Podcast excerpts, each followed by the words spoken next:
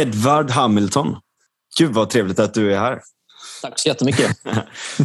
vi, vi har haft kontakt tidigare. Eh, jag har ställt tusen frågor till dig om eh, arbetsmarknad och dylikt. Eh, och du har gett väldigt bra svar. Och nu kandiderar du dessutom för Moderaterna och det känns jävligt tryggt måste jag säga. Tack så mycket. Tack så mycket för det. Kul, kul att höra. Ja. Ska du köra en snabb resumé? Jag heter Edvard Hamilton och eh, det finns ju någonting som heter 10 000 timmars regeln. Och om man googlar det riktigt ordentligt så är ju det en någon form av informell regel om hur lång tid det tar innan man kan titulera sig expert på någonting. Och då brukar man säga, då finns det en forskare som säger ja, det tar 10 000 timmar. Det där menar jag på att jag har klarat av med råge eftersom att jag har jobbat med arbetsmarknadsfrågor i nästan 15 år. Eh, från studier till privata näringslivet, till riksdagskansli, regeringskansli. Nio år på Svenskt Näringsliv, fokus på arbetsmarknadsfrågor, rekrytering, omställningsfrågor. Så att om detta ämne kan jag en del. Du är alltså expert då med andra ord? Jag hade till och med titeln expert i nio år på Svenskt Näringsliv. Så att, eh, om någon blottlägger mig med några konstiga fakta fel så får jag helt enkelt kry, krypa till korset och säga att det, det var bara en enda stor lögn alltihopa. Ja, även experter kan ha fel, men det känns tryggt att ha med dig och, som en, eh, eh, någon man kan fråga om allt, tror jag nog. Då. Ja, ja, vi får väl se. Jag är inget eh, orakel i Delphi på något sätt och detta är ju verkligen ett, ett ämne som eh, är omdiskuterat och, och som, där, där det finns väldigt många olika fakta eh, att eh, använda för sin argumentation eh, ja, utifrån olika ingångsvärden och så vidare. Så att, det, men det har varit min titel i alla fall, nio år på Svenskt Näringsliv. Just det. Ja, men det där är roligt med, med, att vara expert. Liksom. Det betyder ju, alltså dels så bygger man ju upp en intuition för att tolka fakta. Den intuitionen kan ju slå fel ibland också för att man blir lite för kaxig. Exakt, precis så. Mm. Så att eh, man får gå in med även ett sånt här samtal med, med er med en eh, gnutta ödmjukhet också givetvis att det här är väldigt komplexa frågor som vi ska prata om förhoppningsvis en liten stund här nu. Ja. Du, eh, vad var det som fick dig att vilja kandidera istället för att jobba kvar? Ja, det är ju så här att... För Moderaterna då kan vi säga. Ja, ja transparent. Ja. ja, men precis. Jag, jag kandiderar ju då för eh, riksdagen eh, för Moderaterna i Stockholms stad. Eh, och eh, för det första så är det ju så att jag har en bakgrund i partiet. Eh, så jag jobbade på Moderaternas riksdagskansli eh, från 2009 till 2010, gick sen in i regeringskansliet eh, under två år och jobbade för Moderaterna där och då. Jag har varit medlem i 12 år i Moderaterna och jag har haft en långsiktig önskan om att en dag så ska jag visa framfötterna och göra någonting som jag tycker är otroligt vackert och fint, nämligen att försöka mig på att få medlemmarnas förtroende att vara förtroendevald och uppbära ett sådant ansvar. Och det här bottnade ju i en eh, lite längre planering men egentligen ett beslut som jag fattade tillsammans med min, min fru eh, och min familj eh, för exakt eh, ett år sedan och några månader sedan eh, på Gotland faktiskt. Och eh, jag kände där då att nej, nu kommer jag vilja köra. Jag kommer vilja göra det här nu. Och det är någonting som man gör på det här sättet jag har gjort en gång i sitt liv. Det är klart att man kan vara med i framtiden också, stå på listor till exempel, vara engagerad i partiet. Det, det kommer jag ju vara oavsett utgången i det här provvalet som är om en månad. Men det är någonting som på sättet jag har gjort är, är nog någonting man gör en gång i sitt liv. Att man går in så här mycket med hull och hår och kampanjar och, och liksom, eh, verkligen går all in. Mm. Så att det här har varit en eh, viljekraft, ett kall som jag har haft under en längre tid men som har vuxit sig starkare. Ja, jag minns att vi över någon bärs någon gång snackade om det där också. Och, och då sa du det lite som att så här, Eh, lite, jag vet inte om du har gjort vanliga lumpen, men jag tror att du använder det nästan i de termerna att man liksom ställer upp och gör sin plikt nästan för samhället under en period. Precis, och det är lite så som jag eh, som har drivit mig till det här beslutet också. Att eh, Jag tycker om man någon gång i sitt liv har möjlighet att göra det här Eh, och då, då tycker jag man ska göra det. Och jag är kanske lite gammeldags där, men jag tycker att man har någon form av en skyldighet, ett ansvar, ett kall att också ge tillbaka till någonting som är större än sig själv. Eh, och eh, jag känner att jag har fått så otroligt mycket utav, utav Sverige eh, och nu vill jag ge tillbaka. Och, eh, vi får se här hur det går om en månad. Det är, det är medlemmarna som ytterst eh, ska, ska rösta och sen har vi försöksnomineringskommitté och så vidare. Så att, vi får se hur det går. Mm. Du pratar redan som en politiker. Det känns bra. Mm. Vad, men är det, är det arbetsmarknad främst då, antar jag, som, som du kommer att fokusera på? Alltså jag vill ju vara den kandidaten som fokuserar verkligen mycket på just arbetslinjefrågan. Mm. Eh, och där, där, känner jag mig såklart trygg utifrån eh, min professionella bakgrund och utbildningsbakgrund eh, utifrån det jag jobbat med. Men jag har också andra ämnen som jag är intresserad av. Eh, försvarsfrågan till exempel, säkerhetsfrågor generellt.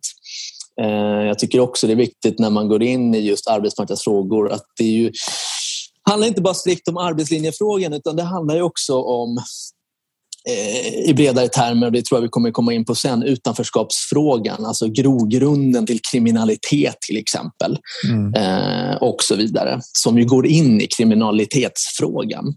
Eh, så att jag är ganska, egentligen ganska så bred.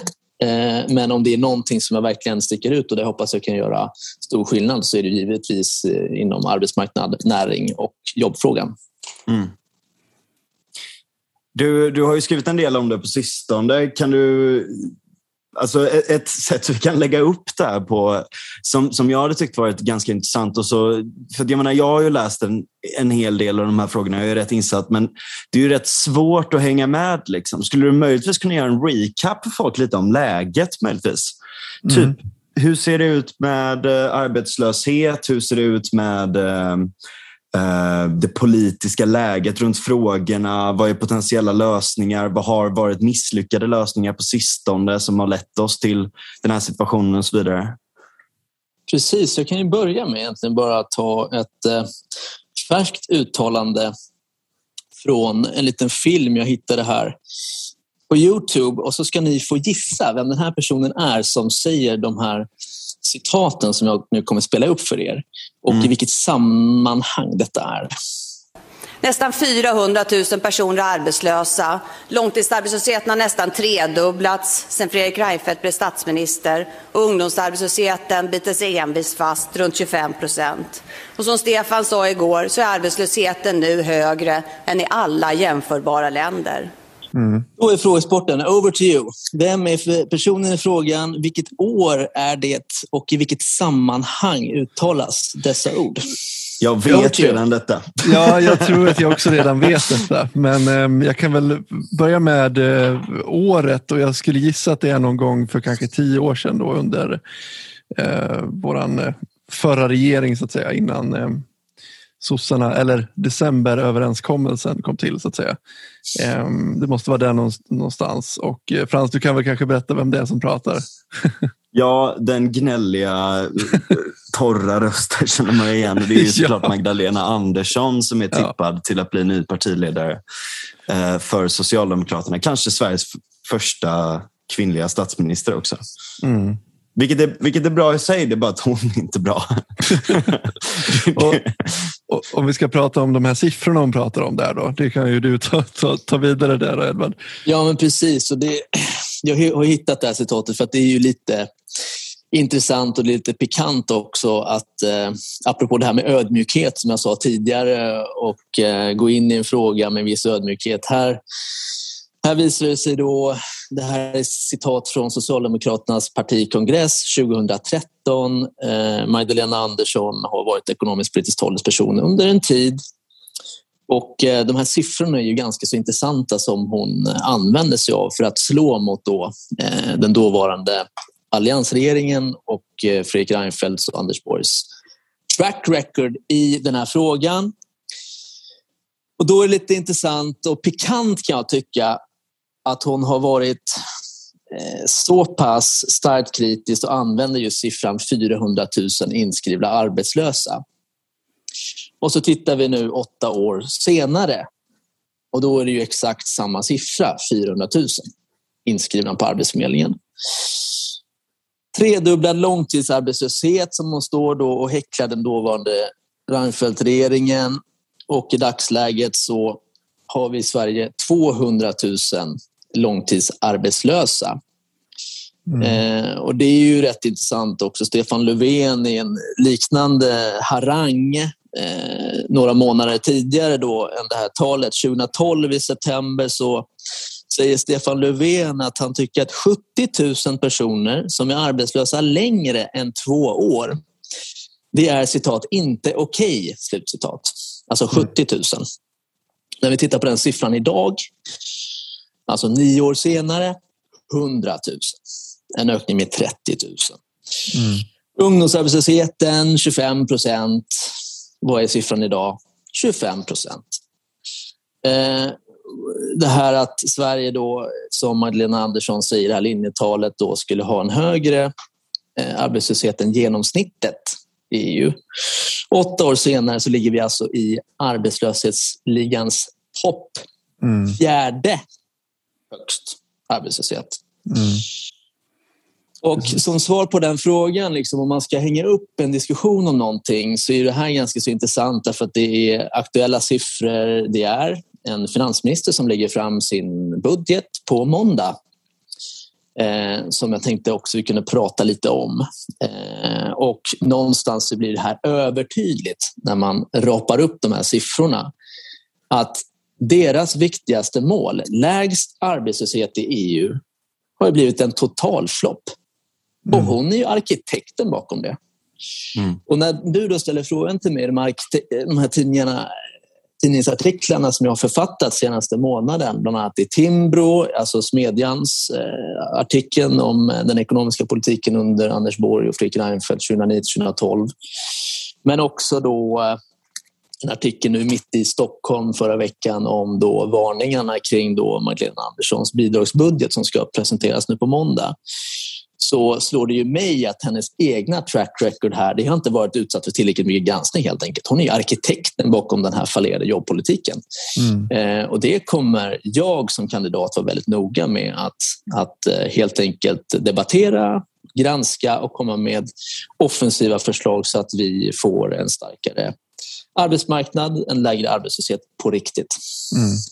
Och hur mycket är, eh, för, bara för, för nu har vi precis, eller vi är väl mitt inne i en pandemi och har väl varit det i, i ett och ett halvt år. Hur mycket har det påverkat? Hur såg det ut innan eh, den kom eh, och hur ser det ut idag i relation till det så att säga?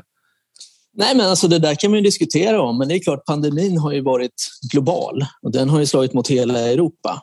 Mm. Eh, så att det är klart de här eh, relativa måtten spelar då liksom inte så stor roll eftersom att alla har haft samma förutsättningar eh, ungefär. Då. Mm. Men det är klart att pandemin har, har slagit mot arbetsmarknaden. Det är, det är självklart att det är så. Men då ska man säga att även före pandemin kom så saknades det tillräckligt tydliga strukturreformer för att kunna få ner arbetslösheten. Och, eh, det är ju så att eh, Socialdemokraterna hade ju målet om lägst arbetslöshet att det skulle infalla 2020. och när slog nu pandemin till? Den slog ju till i mars 2020. Mm. Så att man misslyckades även före pandemin. Mm. Redan då låg vi på typ femte sämsta plats. Ja, precis. Och sen ska man ju ta med i beräkningarna också att det var ju inte som att slutet av 00-talet heller var en eh, särskilt smooth tid globalt sett, så att säga. Nej, så, så är det Jag mm. tänkte vi skulle prata mer om det senare, om, mm. Eh, om liksom krishanteringen under finanskrisen och, eh, och så vidare. Mm. Vi kan komma in på det. det. det. kan väl vara rätt intressant egentligen, som en liten backstory, om vi tar det kronologiskt liksom, och, och tar det redan nu. Absolut. Eh, menar du själva finanskrisen och sådär? Eller menar ja, du... lite, vad, vad var det, om, om man nu ska prata om att hantera kriser, Mm. Eh, så kan man ju säga att Anders Borg blev ju internationellt hyllad för hur han hanterade finanskrisen. Mm. Det är ju inte direkt som alltså, de här senaste kriserna att vi har blivit hyllade för hur vi har hanterat dem. Möjligtvis under corona att vi inte hade grova lockdowns och sådär. Men om, om man ser till ekonomi, om man ser till arbetsmarknad, om man ser till eh, alltså att få in nyanlända på arbetsmarknaden och dylikt så har Sverige varit ett, ett, ett eh, skräckexempel i jämförelse. Så att, vad var det som Borg gjorde under den här tiden som, som var bra? Ja, men precis, vi kan, vi kan dra det lite grann. Jag skrev ju en historisk essä eh, i Smedjan, alltså Timbros Smedja för bara några veckor sedan som går ner lite mer i detalj i det här. Och det är en essä som jag har skrivit mot bakgrund av eh, tre stycken vittnesmål. Eh, så det är liksom en delvis en historisk essä Eh, och det är då Anders Borg, han har skrivit en bok som heter Finansministern där då delar av den behandlar det här ämnet, alltså krishanteringspolitiken, stimulanspolitiken 2009-2011. Leif Östling, eh, tidigare ordförande för Svenskt Näringsliv, har skrivit en bok om sina år, framför allt på Scania i Södertälje, men också som nämner då i ett kapitel kring eh, just krishanteringen 2009 då ju eh, den globala härdsmältan i ekonomin slog stenhårt mot svensk exportindustri. Och sen då eh, Sven-Otto Littorin, dåvarande arbetsmarknadsminister, har också skrivit en bok som heter Uppdrag arbete som har några år fler på nacken men som också ger relevanta perspektiv. Och I den här essän så argumenterar jag för att det var, fanns goda skäl kring att eh, Sverige fick en väldigt stark tillväxt efter finanskrisåren Eh, och att Sverige hyllades eh, som föregångsland och som föregångsexempel, bland annat i The Economist. Eh, och The Economist skrev för exakt tio år sedan, sommaren 2011, om Sverige och titulerade Sverige då som North Star. Och man pekade då på väldigt offensiva pro-market-reformer. Eh, man pekade på vikten av eh, arbetslinjen, man pekade på vikten att ha en offensiv krispolitik som ju uppenbarligen då eh, sjösattes under finanskrisåren. Och min poäng här är sen, och man, när man kontrasterar det då med vad som ligger på bordet nu inför den här budgeten som ska presenteras på måndag eh, och de vägval som den här regeringen och eh, regeringskoalitionen då, eh, under gökåren så att säga vad de har prioriterat så skiljer sig ju väldigt markant eh, när man granskar de här två olika vägvalen. Eh, ett tydligt exempel är ju fokuset på arbetslinjen. Eh, och för att ta ett exempel där det verkligen är en stor skillnad så är det vilka vägval och prioriteringar som den här regeringen eh, fokuserade på när eh, coronakrisen slog till mot eh, Sverige våren 2020 och när allt strålkastarljus låg på Anders Tegnells pressträffar så passade Magdalena Andersson och regeringen på att öka taket i a-kassan och grundbeloppet med i storleksordningen 30 till 40 procent. Mm. Eh, man har nu under senaste månader gått fram med förslag på förslag som handlar om att eh, höja bidragen till folk som inte jobbar. Man är på väg nu, eh, inte minst i den här budgetpropositionen som kommer på måndag, att återinföra förtidspension. Man satsar 8 miljarder kronor i något som kallas för familjevecka. 8 miljarder kronor i produktionsförfall, produktionsbortfall ursäkta, kommer det innebära. Man tar bort tidsgränser i sjukförsäkringen. Egentligen alltså, samtliga delar som ju alliansregeringen gjorde väldigt bra under de här åren och att man höll fast vid arbetslinjen mm. är man nu tillbaka till att återinföra igen. Mm. Eh, och inte minst då kring skattepolitiken. Att att du hade ju väldigt tydliga jobbskatteavdrag under de här krisåren under allianstiden och eh, den typen av skattesänkning har man inte ens kommit i närheten av eh, när man då ser krisbekämpning för den här regeringen. Så det finns tydliga vägval här eh, och där man har någonstans inte tagit tag i de här strukturreformerna och det tror jag kommer innebära att Sverige kommer inte ha den här förlösande potentialen på samma mm. sätt som man hade för tio år sedan. Eh, utan det är politiska vägval och eh, det skulle förvåna mig väldigt mycket då om The Economist skulle skriva nästa år att nu är Sverige North Star. Eh, mm. Det skulle förvåna mig väldigt, väldigt mycket givet de vägvalen man nu har gjort. Mm. Vi kan ju nämna här också att när man pratar om arbetslöshet, när man pratar om eh, och, och, och, alla de här olika grejerna. Man kan prata om sysselsättning, man kan prata om självförsörjandegrad. Det finns väldigt många mm. olika sätt att se på det här. Eh, just arbetslöshet är inte alltid det bästa att se till eh, för att det går att så att säga trolla bort de siffrorna. Just det var lite det som mm. hände med förtidspensioneringen under Persson. Ehm, att helt enkelt, vi hade så många långtidsarbetslösa som man kände det här, det, det finns ingenting eh, vi kan göra och för de här personerna. Det finns inga insatser som funkar. Så istället för att göra det enklare att få in dem i arbete eller kanske satsa mer på yrkeshögskolor men också ha incitament för folk att göra det så bara gjorde man enkla lösningen och bara okej, okay, ni får pengar.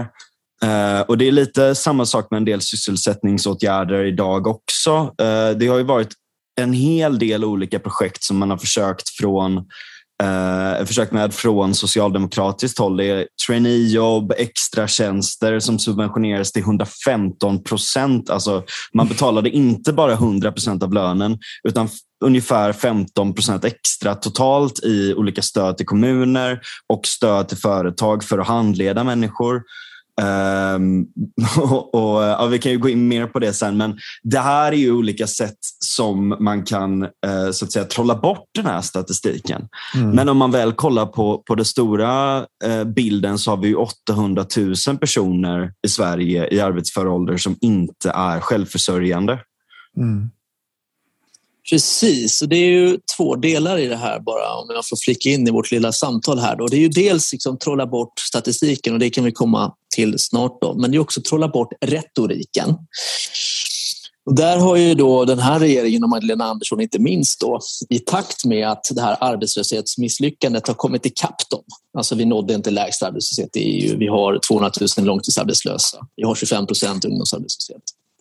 De har börjat säga nej, men det beror på att så många står till arbetskraftens förfogande. Alltså arbetskraftsdeltagandet är så högt. Och när man har högt arbetskraftsdeltagande, ja då har vi då, insinuerar de, någonstans automatiskt en hög arbetslöshet.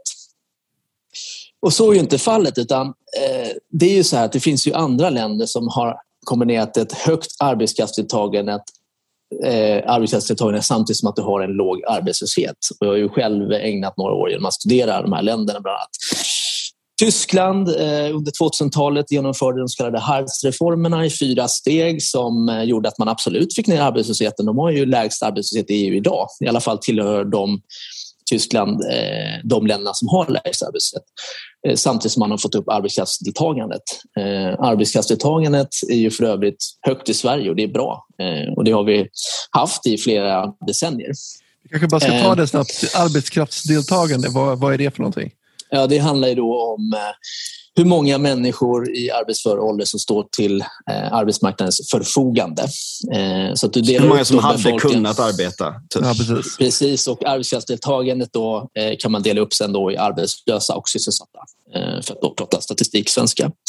Ehm, men, eh, men motfrågan är ju då här, eh, vilket också är intressant att påminna sig om, det är att men om då arbetslöshetstalet som begrepp att, att man kan relativisera det som ju då Socialdemokraterna nu gör. Att man säger nej men det är inte så relevant och det är arbetskraftsdeltagande och, och vi har högst andel sysselsatta i, Sverige, i, i EU och så vidare. och så vidare. Då är motfrågan, men om det inte är så relevant, varför hade ni det som er parad, ett paradmål mm. i åtta år? Mm. Varför? Mm. Varför har ni då liksom sagt i varenda budgetproposition fram till 2020 att vi ska ha lägst arbetslöshet i EU. Alltså hur kan man ha då en politik där det viktigaste målet har varit lägst arbetslöshet i EU och helt plötsligt så är det liksom inte ett relevant mått. Mm. Alltså det funkar ju inte att hålla på sådär. Det fattar ju, mm. fattar ju många. Det är det ena. Sen är det andra det här siffertrixandet. Och det är precis som Frans säger att det har ju då funnits ett antal initiativ eh, som har handlat om att på mer eller mindre konstgjord, konstgjord väg eh, försöka sig då på att få ner arbetslösheten och då är det ju verkligen så att de här extra tjänsterna sticker ut som en paradreform. Och bara för att förklara vad det är, och det har Frans redan förtjänstfullt gjort, så är det så att det är i dagsläget 12 000 som har den här extra tjänsten. Det är helt rätt, 115 procent subvention. Eh, och eh, de som har det här då eh, räknas som sysselsatta istället för arbetslösa enligt Konjunkturinstitutet. 90 procent av de som har den här platsen då i dagsläget är, är faktiskt födda utanför Europa. 90 mm. procent. Ersättningen som de får är ju då i nivå med, med avtal minimilön Eh, alltså någonstans alltså som lägst eh, så är det 17 000 kronor men det kan skilja sig upp då mot 21 22 23 000 kronor faktiskt enligt en granskning. Eh, och antalet som efter den här insatsen kommer vidare till en osubventionerad anställning, alltså ett riktigt jobb, landar på 5 procent, 4 till 5 procent ungefär. Oh, Kostnaden i år 3,7 miljarder kronor och eh, räknar man ackumulerat hur mycket det här kommer kosta närmaste tre, fyra åren så är vi uppe i 10 miljarder kronor. Mm. Eh, och bara i år, då, den här budgeten som presenteras på måndag, så lägger regeringen 700 miljoner kronor till på den här insatsen. Trots att 4 procent kommer i jobb, alltså 96 procent kommer inte vidare i jobb. Eh, och det här är ett exempel på den här liksom, oklarheten kring prioriteringar, att man lägger skattepengar på fel saker eh, och att vi måste återgå till en politik som har fler riktiga jobb i riktiga företag. Mm. Sen är de här frågan, den är också intressant, du nämner man kan elaborera mer kring de här olika begreppen. Och det, är, det är helt riktigt också att du har 800 000 personer idag i transfereringssystemen. Alltså 800 000 personer. Och när jag säger transfereringssystemen, vad är det då? Jo, det är människor då som uppbär bidrag eller ersättning i form av a-kassa, arbetsmarknadsåtgärd, etableringsersättning för nyanlända flyktingar. Eh, det är då förtidspension eller sjuk och aktivitetsersättning som det heter, sjukskrivna och försörjningsstöd, det som tidigare kallades då för socialbidrag. Där har vi 800 000. Sen har du, mm. vad gäller självförsörjande så är det 675 000 Eh, Eh, personer då med utrikesbakgrund helt enkelt, som inte är självförsörjande, eh, som alltså inte kommer upp i nivån. Eh, och då har då en, ett institut som heter Entreprenörsforum och professor Eklund där då konstaterat att då, för att då vara självförsörjande så är det en nivå på ungefär 12 600 kronor då som de måste komma upp till. Och då har alltså nästan 700 000 personer med utrikesfödd bakgrund som inte kommer upp till den nivån. Och då kommer vi in på det som du tangerade Frans, alltså det här med sysselsättningsbegreppet. Att det är problematiskt, här sysselsättningsbegreppet, för att det räknar bara en timme per vecka.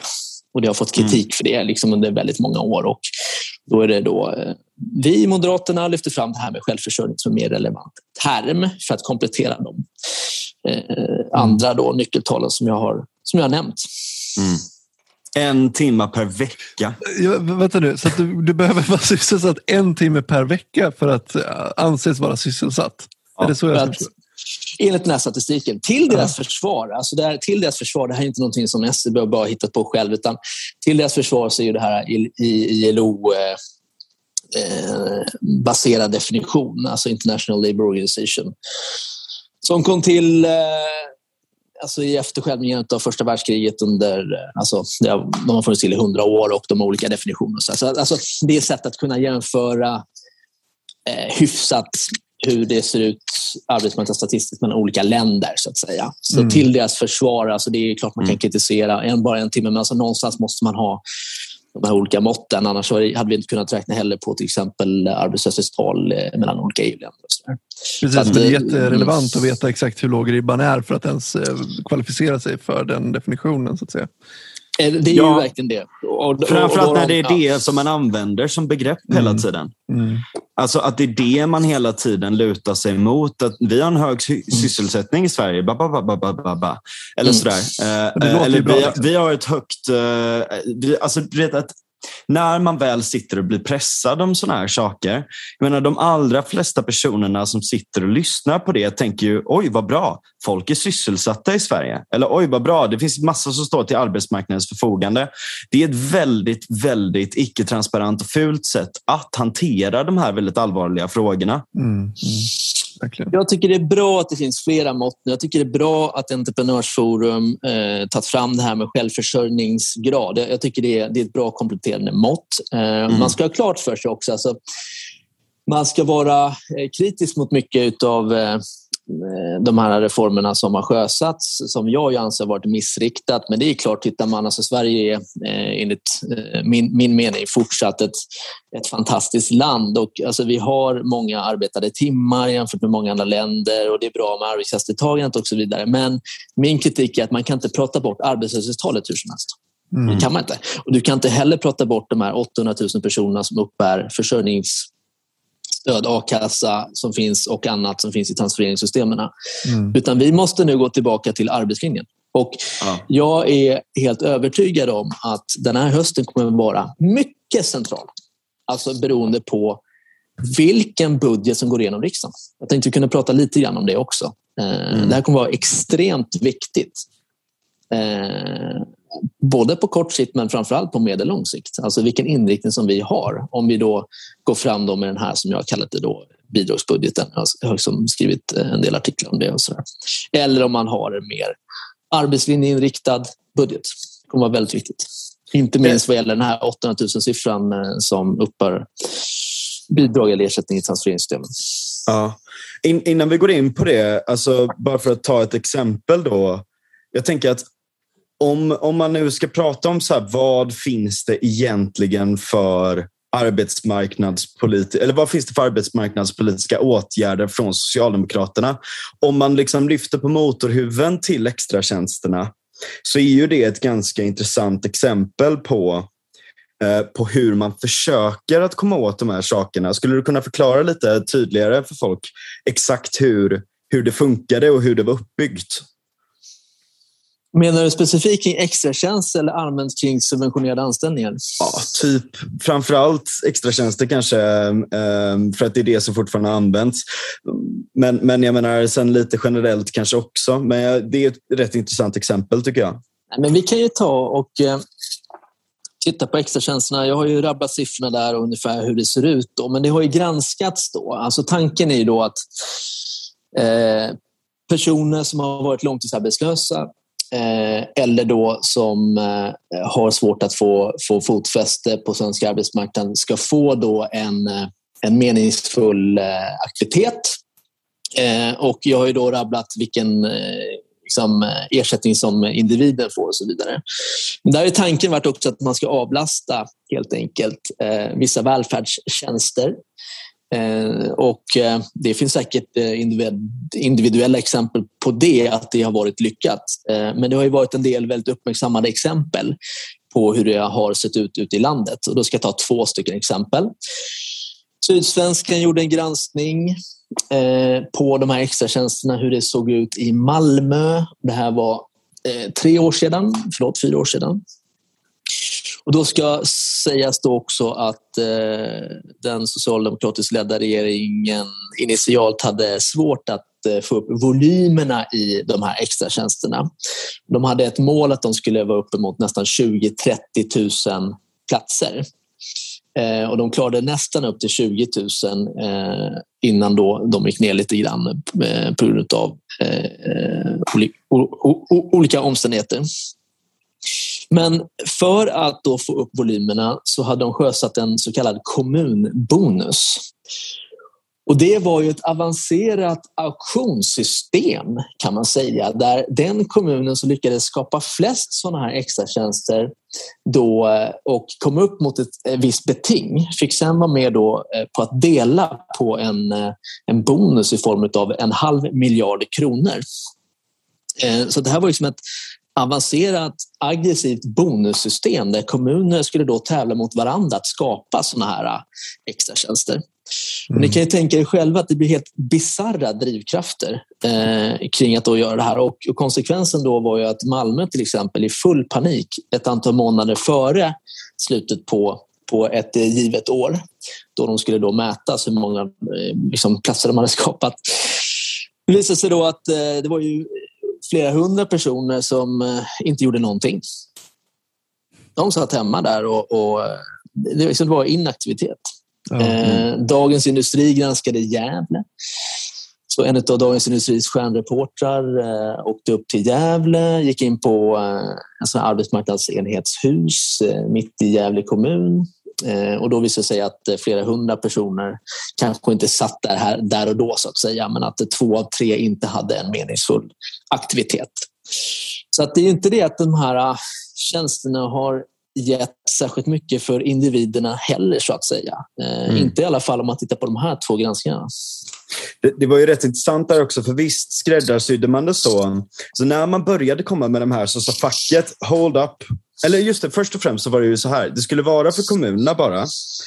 Uh, och då kunde man hitta på lite saker hit och dit och anställa folk där. Men facket började bli lite oroligt och sen när man inte fick den, det önskade resultatet för att kommuntjänstemän inte hade något incitament att fuska i systemet och få massa pengar. Så var det så här, okej, okay, det är ingen av kommuntjänstemännen som orkar gå runt och dalta med de här. Liksom, för de kommer inte kunna göra någonting useful. Uh, så att vi måste öppna upp för privata företag. Men när man gjorde det så facket emot. För då är det så här, vänta lite. Det här betyder ju att företagen kommer kunna sparka folk, våra medlemmar och ta folk bara med subventionering istället. Eh, så då, då tvingade de in ett krav så att du fick bara anställa någon för något som, Anna, som du annars inte hade anställt någon för. Det vill säga att det var bara sysslor som egentligen inte var någonting du skulle anställa någon för. Så att ja. inte då skulle utmana de som redan var anställda. Mm. så, eh, och I kombination Nej, det, med det du säger, ja. då, det, det, är ju liksom, det är total alltså, och här är det viktiga med incitamentsystem som du säger. Vi måste verkligen se, okej okay, om vi ska göra olika system, vad skapar det för incitament i längden? Det kan, vi kan ju inte bara gömma människor genom att kasta pengar på dem. Nej, exakt. Och de här, äh, det är ju äh, olika infallsvinklar då som man pratar om när det kommer till sådana åtgärder. Det är undanträngningseffekter är ju det ofta som, som det kallas för då, teoretiskt där då som oftast facken har eh, sin kritik då mot eh, då försökte de bygga upp olika staket för att förhindra sån här undanträngning. Då, att, eh, då, eh, att helt enkelt extra tjänstarbetare så att säga, kommer in från sidan och går före i kön. Och då försökte de hitta olika staket för att förhindra det. Och så där. Sen har du en annan effekt som heter dödviktseffekt och det är då att eh, det handlar om om man har sådana här äh, åtgärder att det måste träffa rätt personer för att annars så är det pengar i sjön helt enkelt. Eh, och det har varit en annan kritik också att eh, de här äh, åtgärderna vad gäller extratjänster har inte träffat den målgruppen som skulle behöva tjänsten mest. Eh, och då har till exempel Sveriges Radio rapporterat om att Eh, det här var ju som ett sätt att eh, få in eh, till exempel utrikesfödda akademiker och det var inte alls riktat mot personer som verkligen behövde det, alltså personer med kanske lite svagare utbildningsbakgrund och, och annat. Så att kritiken mot det här har varit öronbedövande under så många år och ändå så finns de kvar. Och ändå är det 12 000 personer som är där och ändå betalar vi 3,7 miljarder kronor i år och ändå bara liksom 700 miljoner kring nu, till i, i budgeten. Och det blir liksom inte bättre av det. Så det här är det, här det är, är också typ det enda de gör. Det här, kommer, kan jag säga, det här ryker direkt när eh, vi får en ny regering nästa höst. Ja. Det är också det enda de gör. Det är det som är grejen. Det finns ju inga andra, vad jag har förstått, du får gärna rätta mig om jag har fel, så, så känns det som att det finns inga andra lösningar som Socialdemokraterna kommer kommer på arbetsmarknaden med. Det är möjligtvis att man ska ge bidrag till, till företag eller så genom MP och deras så klimatgrejer som egentligen bara är att strössla pengar på företag mm. Eh, och välja vinnare så att säga. Men alltså det, på det stora hela så finns det ju inga idéer på en mer strukturell nivå. Det finns ju inga seriösa förslag. Det är min uppfattning. Stämmer det eller? Alltså, de, de, alltså, skulle ni fråga dem så skulle de ge en helt annan bild eh, sannolikt och de skulle peka på andra satsningar som är viktiga. Inte minst generella statsbidrag till välfärdssektorn så att säga, alltså skapa jobb där. De skulle peka på olika industrisatsningar som har kommit till i Norrland eh, som ett svar på klimatomställningen och, och lite Hur effektiva saker. är de då?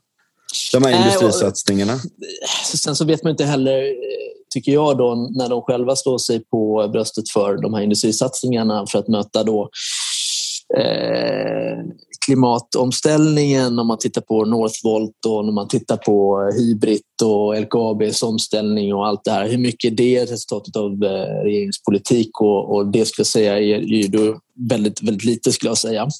Eh, men om man tittar och bara gör, liksom, gör några nedslag på liksom, faktiska paradprojekt som ju har inletts med storslagna presskonferenser och välbesökta seminarier i Almedalen. Eh, de senaste åtta åren så är de ju nedslående resultat i princip allihopa. Jag ska ta några exempel. Snabbspåren.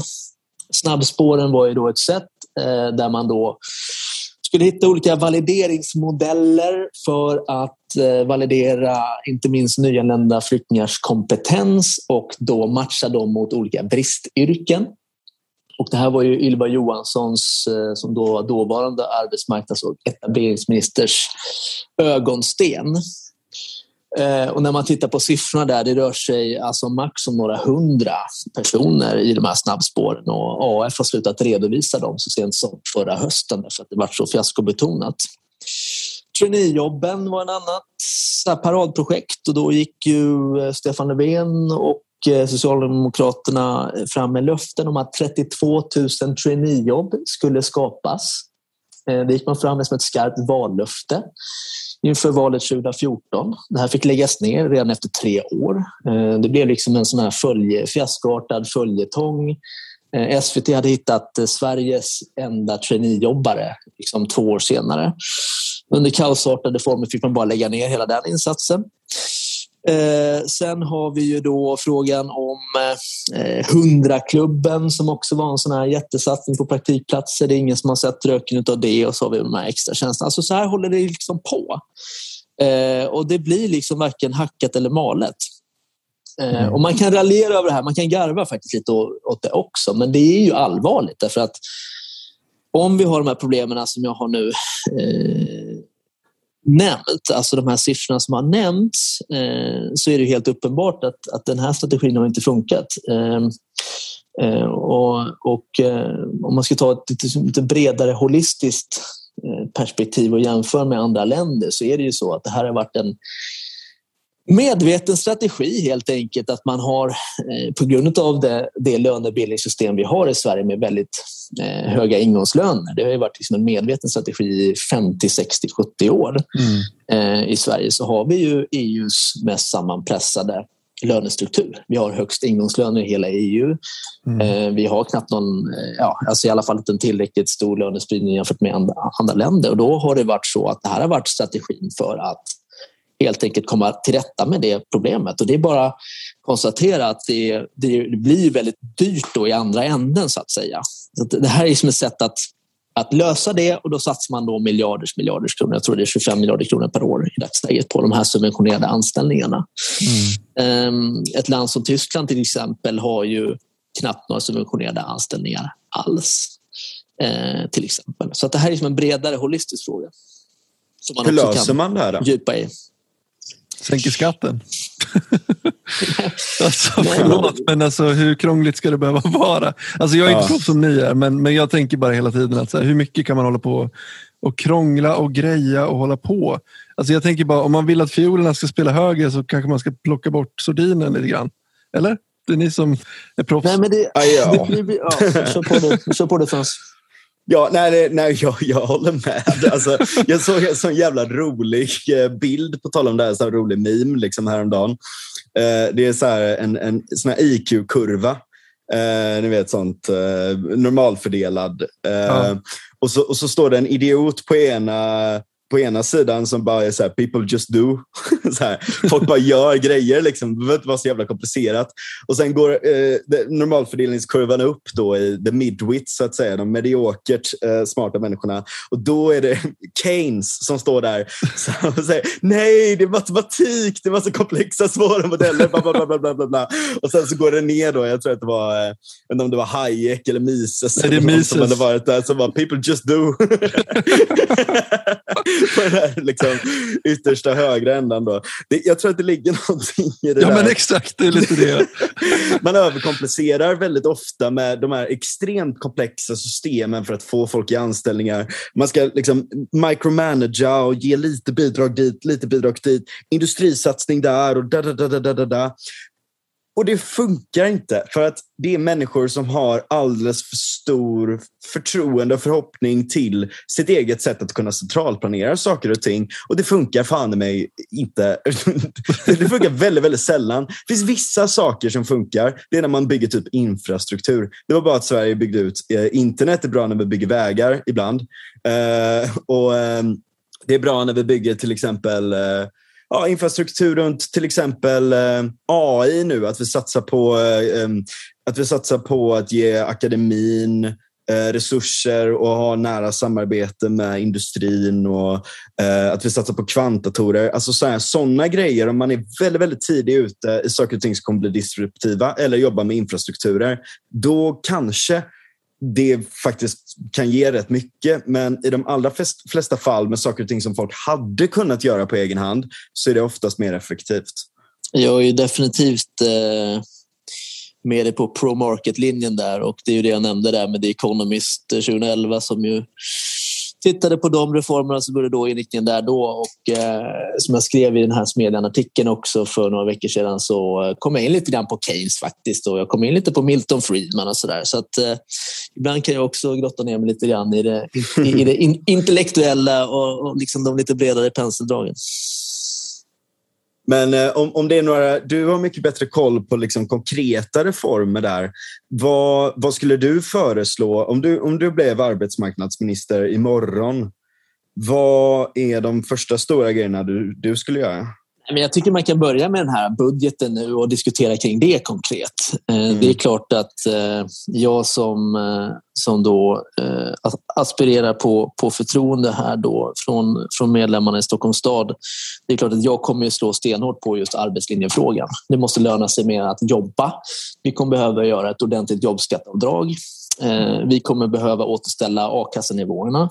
Vi kommer behöva säga nej till de här eh, vidlyftiga eh, sjukförsäkringsreformerna som nu kommer som ju är en bidragslinje rakt igenom. Och det är liksom den, den första delen så att säga och det där är liksom basen för att vi ska kunna ha drivkrafter till jobb. Och Moderaterna har gått fram också med förslag på ett bidragstak för då en person som uppbär bidrag. Jag ska ta ett exempel. Expressen gjorde en granskning på långtidsarbetslöshet för tre veckor sedan och eh, då Expressens reporter, han heter Mikael Syrén. Han är eh, faktiskt anställd på Expressen GT, alltså i dina hemtrakter Frans från Göteborg. Mm. Eh, och han åker ut då till eh, en kommun i Västra Götaland helt enkelt och, och hittar en person där som alltså säger rakt ut att den här personen får 32 000 kronor per månad i bidrag. 32 wow. 000 kronor. Och säger rakt ut att nej, men det är ingen idé för mig att ta ett jobb. Det kommer inte löna sig. Jag kommer behöva gå ner i lön. Ja, vad bra. Alltså, det är ju så hårresande. Och då någonstans så menar alltså, det är ju det blir ju också cyniskt därför att det låser ju in personer i utanförskap. Mm. Ja, verkligen. Du har inte de här drivkrafterna där och det är en extremt viktig del i, i då en moderat arbetslinje. Att man kommer behöva återställa mycket av de här drivkraftsfrågorna, incitamenten för att faktiskt ta ett jobb. Mm. Eh, och nu har vi ungefär bara på A, alltså Arbetsförmedlingens platsbank eh, ungefär 100 000 lediga jobb samtidigt som det då, och det är bara på AS platsbank, marknadsandelen där eh, ungefär, jag tittar på det, ungefär 40 procent och är massvis med andra annonssajter och dolda jobb som inte annonseras för. Eh, och trots det har du 400 000 personer som är inskrivna arbetslösa, 200 000 långtidsarbetslösa och, och eh, alla de här siffrorna som jag har nämnt. Då, då måste man kunna ha då också krav på de som uppbär a-kassa eller då aktivitetsstöd som det heter i arbetsmarknadspolitiska program. Att ta de jobb som faktiskt finns. Eh, och det är ju ganska så hårt reglerat egentligen i förordning, eh, i regelverket. Mm. Eh, och Det kallas för då att man ska ta lämpligt arbete. Och ja, Det är lite komplicerat. Vad ingår då i lämpligt arbete? Är det geografiskt? Är det yrkesmässigt? Men det är faktiskt ganska så klart och tydligt. I alla fall tillräckligt klart för att kunna ställa krav. Men de senaste 20 åren har det kommit rapport efter rapport efter rapport efter rapport från inte minst ett institut som heter Inspektionen för arbetslöshetsförsäkringen som pekar på enorma brister i det här. Alltså hur arbetsförmedlare misslyckas, bland annat i 8 av 10 fall, att då se till att en arbetssökande tar de här jobben som finns och eh, ja, mm. Eh, så det är enorma myndighetsbrister där eh, i själva eh, regel Eh, efterlevnaden helt enkelt. Det får ju konsekvenser då för bristande legitimitet, det får konsekvenser för då arbetslöshetstalet och ni kan tänka er själva kombinationen då med ökade bidrag, alltså mer vidlyftiga bidrag. Och det är ju, jag nämnde ju där att eh, taket har höjts med 40 procent och grundbeloppet 30 procent. Plus att du då har gjort förändringar i den delen. att du Fram till pandemin så hade du då eh, en, en ersättningsmodell i a-kassan som gjorde att efter 100 dagar så fick du en lägre ersättning. Och efter 200 dagar en ännu lägre ersättning. Och Det är ju ett sätt att öka incitamenten där för att få mm. folk att komma snabbare i jobb. Den har man ju också ändrat på. Så att när all uppmärksamhet låg på Anders Tegnells pressträffar då passade man på att ta bort den här 100-dagarsregeln till 200 mm. dagar. Mm. Och Det är också ett exempel på drivkrafter. Alltså bidragstak och drivkraft. Det är liksom bottom line. Sen har, kommer vi till de här äh, olika subventionerade anställningarna.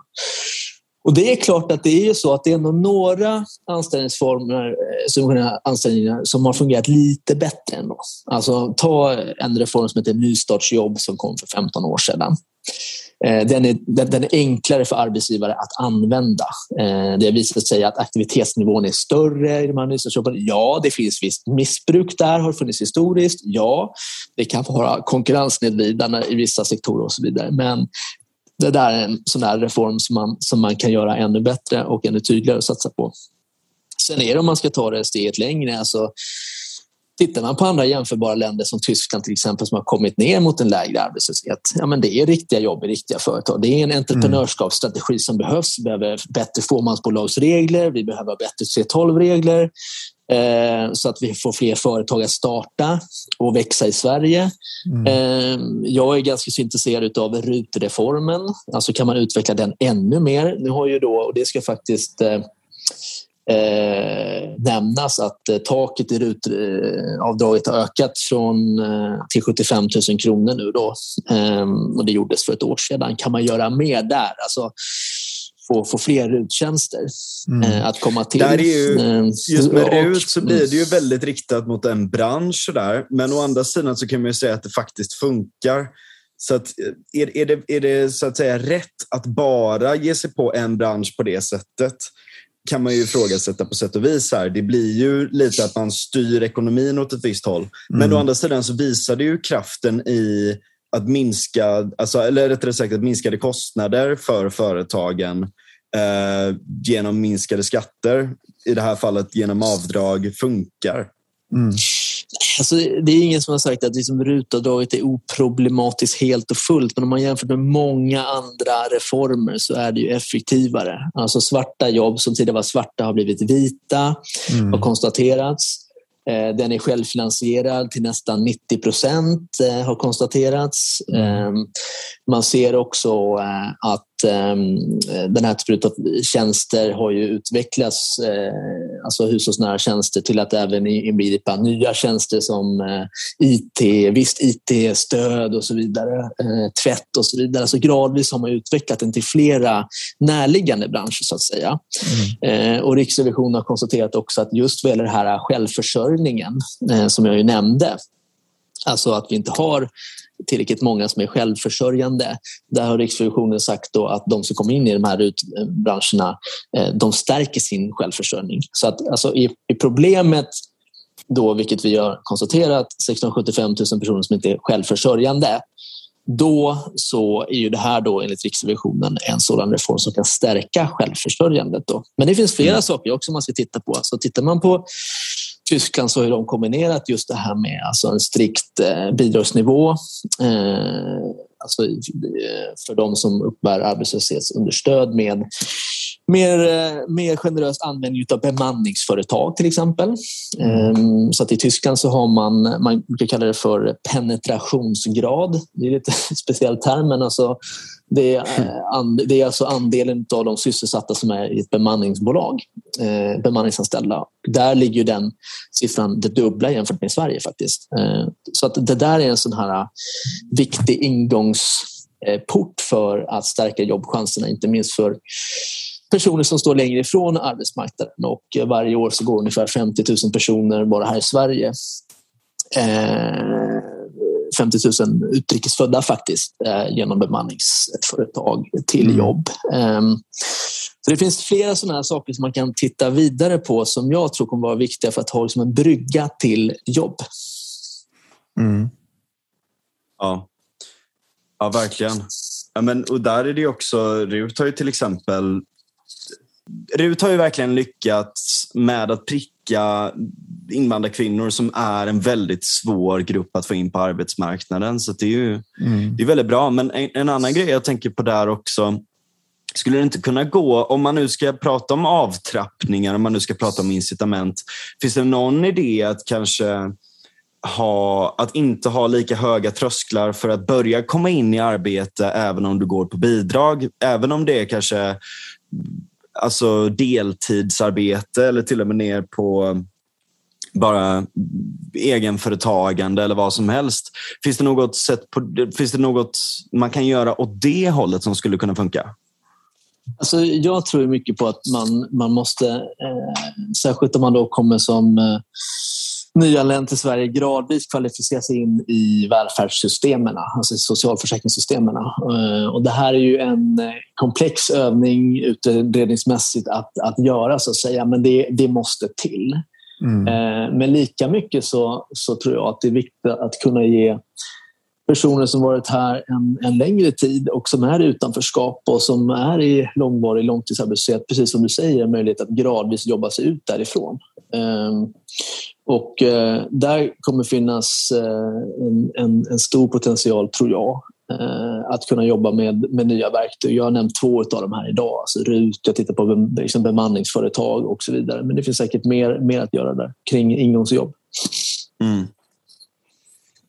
För det är alltså typ en sån sak som, som jag har hört bara från vänner som, som egentligen inte är jättelångt från, från samhället. Som, men så här, någon, någon bekant man känner som har haft kanske psykiska problem, varit deprimerad eller något sånt där, försökt komma in i jobb. Så har det varit det att så här, ja, nej, men jag skulle arrangera den här, eh, det här kultureventet till exempel. Eh, men jag kan inte ta emot Swish, jag kan inte ta emot pengar, jag kan inte göra någonting för då minskar det med varenda krona jag tjänar på, på bidraget. Och Det mm. behöver jag för att kunna få mat på bordet. Um, vissa, vissa, ibland går det inte ens att säga du jag swishar dig för en bärs. Nej, nej, nej, nej, gör inte det. Så mm. det, det, blir liksom det blir rätt konstigt, konstiga incitament på det hållet också om man ska ta lite det perspektivet. Ja, men precis. Och det är ju det här med, eh, jag tittade på det för några år sedan också, här med till exempel eh, studenter bara får eh, eh, ha en inkomst upp till, vad är det, är det 60 000 på ett år 60, eller något sånt. 60 000 på ett, eller något ja, Precis så. Eh, och det, ja, det är absolut sådana frågor som man måste titta på igen tror jag. Mm. Ja, verkligen. verkligen. Jo, men för där kan det också vara, jag menar om man pluggar deltid, jobbar deltid till exempel. Det, det är ju inte en dum lösning för någon som kanske är så här, alltså, inte redo att ge sig in på ett svårt akademiskt program men är sugen på att plugga någonting som gör att den kanske, alltså någonting typ yrkesrelaterat. Eh, eh, alltså, ja, den biten. Och det för ju även frågan vidare till så yrkesutbildningar och sånt. Vad, vad kan man göra mm. där? Precis, det där är ju också ett viktigt kapitel eh, att eh, ha med sig. Eh, och där finns en del nya innovationer och nya modeller som har kommit fram de senaste tio åren. Inte minst en modell som heter yrkeshögskola som eh, är ju då utbildningar som är efterfrågestyrda. De kan pågå eh, alltså kortare tid än vad en högskola eller universitet, eh, den typen av eh, utbildningar, den kan pågå som max två år. Mm. Eh, de är mer inriktade mot alltså yrken, så att säga. inte sällan yrken som har arbetskraftsbrist. Och enligt då den här myndigheten som ansvarar för den här modellen så går 90 procent faktiskt vidare till arbete som har gått den här eh, utbildningen. Eh, kritiken då är så här, ja men de här personerna skulle fått jobb i alla fall och så där. Och, eh, är det verkligen de som behöver den här eh, utbildningen mest som får ta del av den och så vidare. Men någonstans så har jag landat i att jo men bara att man har fått till en modell som är efterfrågestyrd där du har näringslivets engagemang i just den här utbildningen och så vidare. Det är liksom bra. Det är en bra potential. Det ska man bygga vidare på. Mm. Mm, verkligen. Mm. Det känns som att det inte är rocket science där. Nej. Eh, alltså det är, det är, inte jättelätt. Det är många komplexa saker som ska gå ihop såklart. Många liksom, saker som, som varierar med varandra. Men det, jag fattar inte hur man lyckas göra det så fel. Och det måste ju, någonstans så tror jag att du har rätt där Edvard, att det, det är ju väldigt mycket ideologi som ligger bakom det. Det är en, mm. en, en att man sätter någonstans ihoppressningen av lönestrukturen före allt annat och att man sätter vi ska skapa jobb i välfärden före allt annat. Det är inte jobb som genererar resurser Nej, utan precis. man måste kunna fördela någonting för att vi ska kunna ha jobb i välfärden och så vidare. Mm. Alltså, eller vi måste ha något som jobbar så att man kan fördela till. Um, sådär. Och, mm. Mm. Alltså det, land, det jag håller helt med. Alltså det, det, landar väldigt mycket i det faktiskt. Alltså det är ju det om man liksom slänger sig arbetslinjen mot bidragslinjen. Ska vi skapa riktiga jobb i riktiga företag eller ska vi gå den konstgjorda vägen?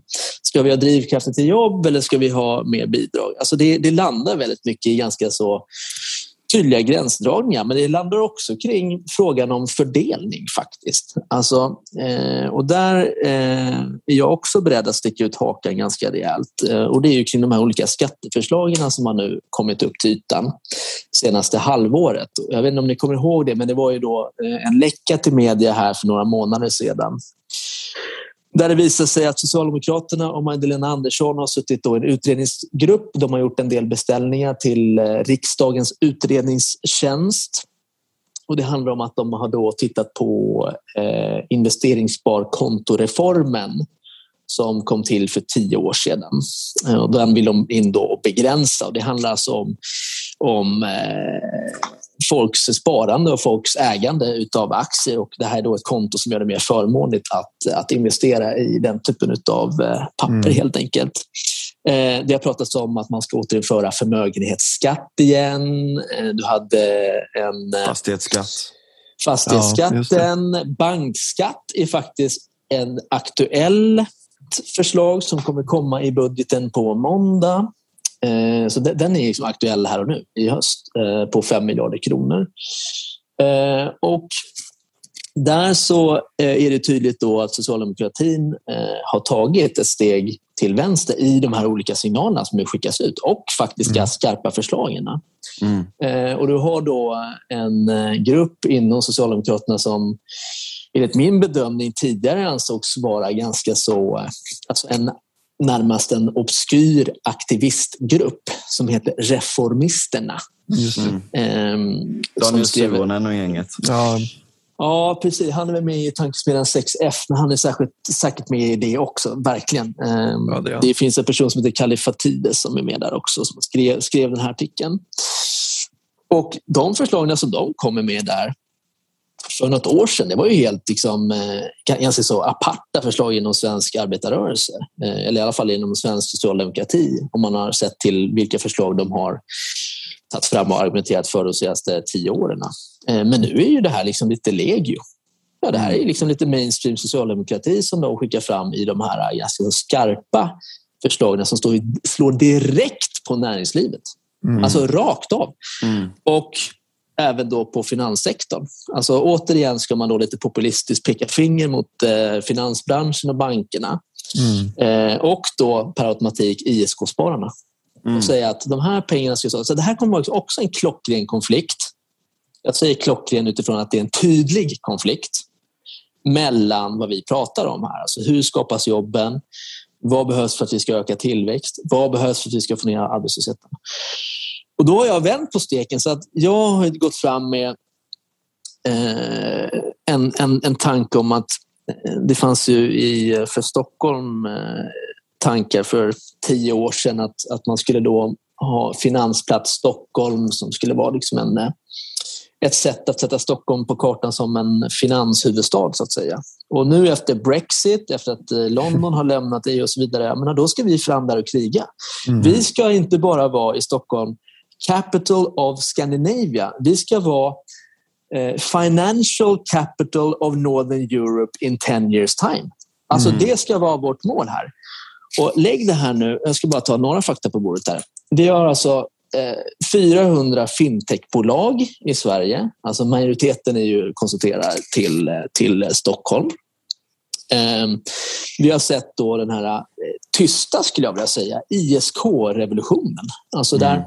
allt fler svenskar går in och, och, och, har aktier. Det är ju jättepositivt. Mm, det är verkligen. inget vi ska gå, gå hårt åt, utan det här är någonting som vi verkligen ska se till att fler får möjlighet att kunna göra. Vi ska mm. ju anamma det här. Vi ska spänna bågen och vi ska verkligen då se till att, att vara den här financial capital Europe in, in, in, om, om, om tio år. Mm.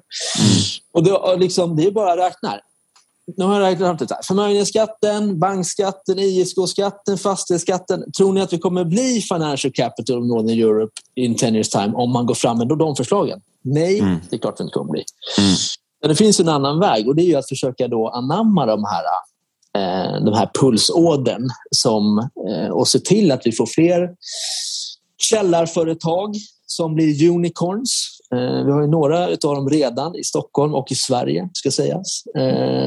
Alltså det här, den här entreprenörskapet och innovativa inspirationerna, de ska vi anamma. De ska mm. vi inte slå undan benen för. Verkligen, verkligen. verkligen, verkligen. Mm. Ja, men för där har vi ju sån jävla komparativ fördel egentligen. Vi, vi är väldigt utbildade. Uh, vi har väldigt hög tech literacy, uh, så att säga. Um, alltså, vi är teknologiskt kunniga jämfört med många andra länder. Uh, vi har stor entreprenörskap inom tech, inom det digitala. Allting från datorspel till plattformsföretag till appar till allt möjligt. Eh, och som du säger, väldigt mycket fintech, väldigt mycket AI, väldigt mycket runt de här sakerna. Där har vi världens möjlighet att kunna skapa en riktigt stark ekonomisk bas. Verkligen. verkligen. Eh, som, som i sin tur genererar andra jobb på grund av att de behöver under... Alltså, ja, men ekonomisk aktivitet skapar mer ekonomisk aktivitet. Det kom ju någon grej från tidningen Näringsliv nyligen nu om det här att det går inte åt rätt håll. Eh, vi tappar på de här olika sakerna. Om man ser så har ju Sverige tappat väldigt mycket på många olika håll på sistone och det här är en av de sakerna som verkligen finns kvar och som, eh, som är vår stora styrka. Det, har, det, är att vi har innovativa kluster. Eh, så jag, jag blir rätt orolig över den utvecklingen, att man försöker slå ner på det också utan att ha några seriösa förslag till någon form av, av uh, motvikt till det.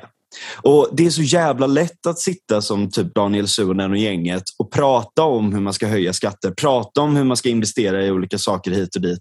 Men det är inte per nödvändighet någonting som leder till någonting.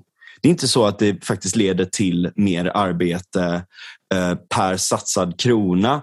Eh, och så vidare. Och dessutom, jag menar, just med den här ISK-grejen också, en detalj till det. Det är ju för fan gemensamt ägande. Om något. Alltså att, att, att ha fonder, att ha aktier. Aktier är ju lite mer riskabelt, men att ha fonder, det är ju ett gemensamt ägande av kapitalet. Det, jag förstår verkligen inte varför man är så emot det. Nej, precis. Och, så som de skulle argumentera skulle de säga att det finns exempel på de som har, som har eh, liksom ett, ett, stort sparande och att det är väldigt förmånligt det här. Då. Och, eh, ja, där, där finns utifrån då fördelningsprinciper då, eh, en möjlighet att, att gå in och ta tillbaka lite grann då till, eller ganska mycket till, till, till staten. Men sättet som det här bemöttes när det blev eh, offentligt Eh, och det var ju först inte någonting som de gick ut med på en pressträff sådär, utan det var ju någonting som läcktes ut därför att när då riksdagens utredningstjänst gör den här typen av utredningar, då när den är klar så blir den offentlig. Då kan man begära ut den här eh, rapporten. Och när man ser själva reaktionerna från, från socialdemokratin, eller framförallt reaktionerna från allt från sparekonomer till eh, sparare själva, och liksom såg vilka reaktioner det här blev. Jag, jag tror att det var som en, eh, en, eh, en, en granat som, som sprängdes upp i ögonen på dem. Liksom att det var mm. oj, oj, oj, vad har hänt här? Mm. Eh, det har liksom varit en, en, en, reform som inte pratat så mycket om. Den lanserades för tio år sedan men har ju fått en enorm grogrund mm. eh, och har ju någonstans Verkligen. tagit, tagit liksom folkhemmet med storm. Ja, eh, ett cyniskt sätt att se på det eh, är ju att människor som har eget sparkapital, människor som är självförsörjande, människor som eh, som har en stabil grund inte är lika beroende av deras centralstyrning och deras reformer. Ja, men precis. Jag tror att det här är liksom en gradvis vad vi har sett här i Sverige också som, som är positivt. För det är klart, jag har varit väldigt kritisk här nu idag i, i vårt samtal kring arbetslöshetsfrågan, utanförskapsfrågan. Men gradvis så finns det ju ett antal reformer som har legat här som har varit till det positiva så att säga. Eh, och det här är en sådan, alltså ISK-reformen och mm. eh, de här unicornsen som, som har kommit fram. Och så Det är väldigt mycket som är fantastiskt eh, med Sverige. Och, eh, entreprenörskapet inte minst i 3.12-reglerna och, och, allt det här. Men mm. eh, då ska vi liksom inte backa bandet utan då ska vi se till att vi ska eh, fortsätta se till att man kan verkligen frigöra den potentialen som finns i mm. individers utvecklingskraft. Alltså kring entreprenörskapet, innovationsförmågan och allt det här. Mm. Eh, och det liksom kommer vara en väldigt, väldigt viktig del när vi pratar arbetslinjefrågan. Mm. Och så har det alltid varit. Jag menar rent historiskt också. I, det är bara att det är olika så att säga, utmaningar för olika tider. Men, men om man ser till ekonomisk historia så har det alltid i slutändan blivit så att när man har öppnat upp mer, när man har haft mer folk som kan göra, ha, ha större interaktion med varandra och tydliga incitament för det så har det gått bättre. Liksom. Mm. Så är det verkligen. Ja, jag vet att du har ett annat stort intresse också, på tal om historia. Precis, vi kan ju prata lite grann om det. Och, eh, du kan berätta själv. ja, precis. Nej, men det är lite, lite kul tycker jag. Eh, och det är ju om man ska vara lite mer personlig och liksom lämna expertrollen i arbetsmarknaden så så är det ju så att jag har haft eh, ett eh, intresse för historia hela mitt liv egentligen.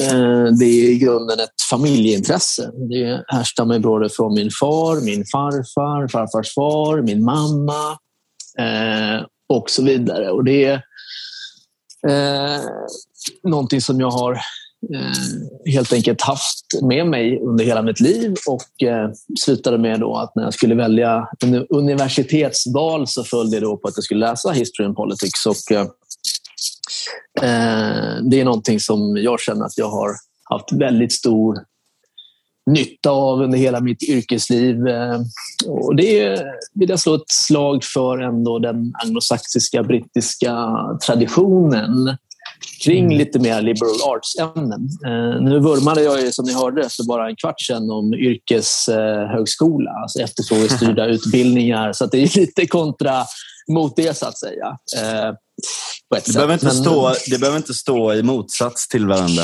Nej, jag tycker inte heller det faktiskt. Båda Utan, kan få eh, finnas faktiskt. Ja, men verkligen. Eh, och det, där kan jag väl tycka liksom, ibland i Sverige att man kan vara lite för snäv kring de här utbildningarna. Eh, faktiskt. Och, eh, jag känner att eh, i, i Storbritannien när jag var där och läste historia, det var liksom ingen issue så att man på något sätt skulle ha någon stängd dörr. Det har man för sig inte i Sverige heller. Men man var snarare bejakande för det historiska ämnet i Storbritannien. Mm. Alltså när, när, när, vi kom dit, och jag kommer ihåg rektorn då där på, jag var på University of Nottingham i tre år och läste min kandidatexamen där. Eh, och han inledde med att säga bara välkommen och, och eh, ni, liksom, ni är så himla bra, ni är vårt framtidshopp och liksom, alltså, det här peppande. Liksom. Eh, och näringslivsaktörer och finansinstitut och annars var ju där och försökte liksom eh, få folk att ansöka till deras traineeplatser redan första året.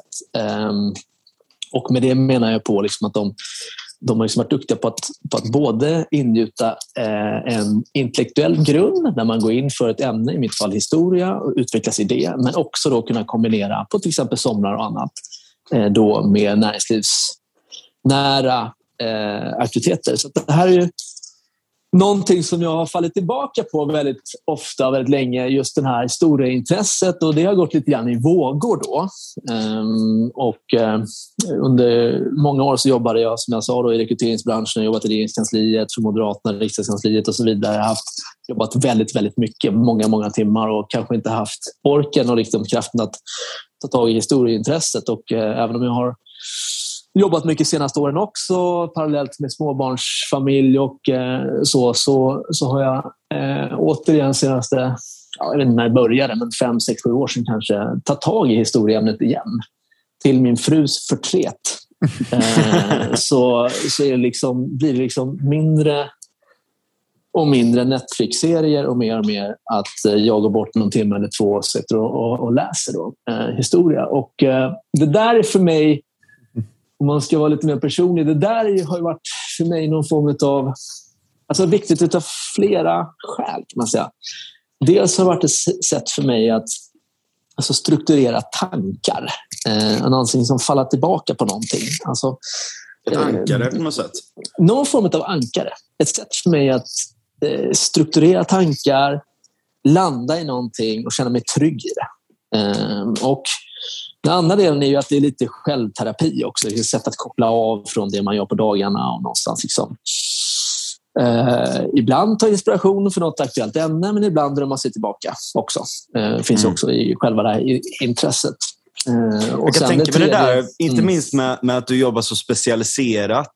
Eh, att, mm. att få att få gå från det och liksom, istället för att bara sitta, okej, okay, just den här specifika reformen, ba, ba, ba, att få mm. tänka liksom större, den större bilden av saker och ting. Ja. Också att kunna studsa mot det lite. Exakt, och sen så tror jag också i själva den expertrollen som jag haft, som ändå varit arbetsmarknaden i och för sig brett, det ska man ha klart för sig, men också smalt. Alltså det, är, liksom både och. Men också med det här ämnet så har gjort mig bättre som expert. För att jag har kunnat då argumentera på ett bredare sätt. Alltså ta det här jag nämnde nu, som är den artikeln i Timbro om eh, alltså Anders Borg och eh, Fredrik Reinfeldt och allian, då, dåvarande alliansregeringen, ska jag säga. Krishantering 2009-2011. Skriva den här historiska essän. Mm. Eh, det hade jag kanske inte kunnat göra om jag inte hade haft det här intresset. Jag hade inte kommit på idén. Jag hade liksom kanske varit lika effektiv i, i, i mitt skrivande och, och andra faktorer. Så det har också varit liksom, bra för min egen yrkesroll. Um, sen var ju fördelen i UK då att man sen kunde gå in och fördjupa sig sen då på mastersnivå, vilket jag gjorde då och landade i. Då, och det var, på London School of Economics. Och det var ju fokus på eh, alltså, eh, labour market-frågor. Det är liksom där min labour market-karriär börjar. Alltså, mm. Det var mycket om eh, strejkrätt.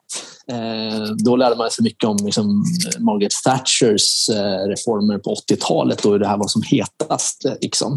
Mm. eh, kring strejkrätt. Det var internationell eh, arbetsrätt. Eh, eh, utstationeringsfrågan som var väldigt het då. Jag var ju nästan först på bollen att skriva om Vaxholmsfallet.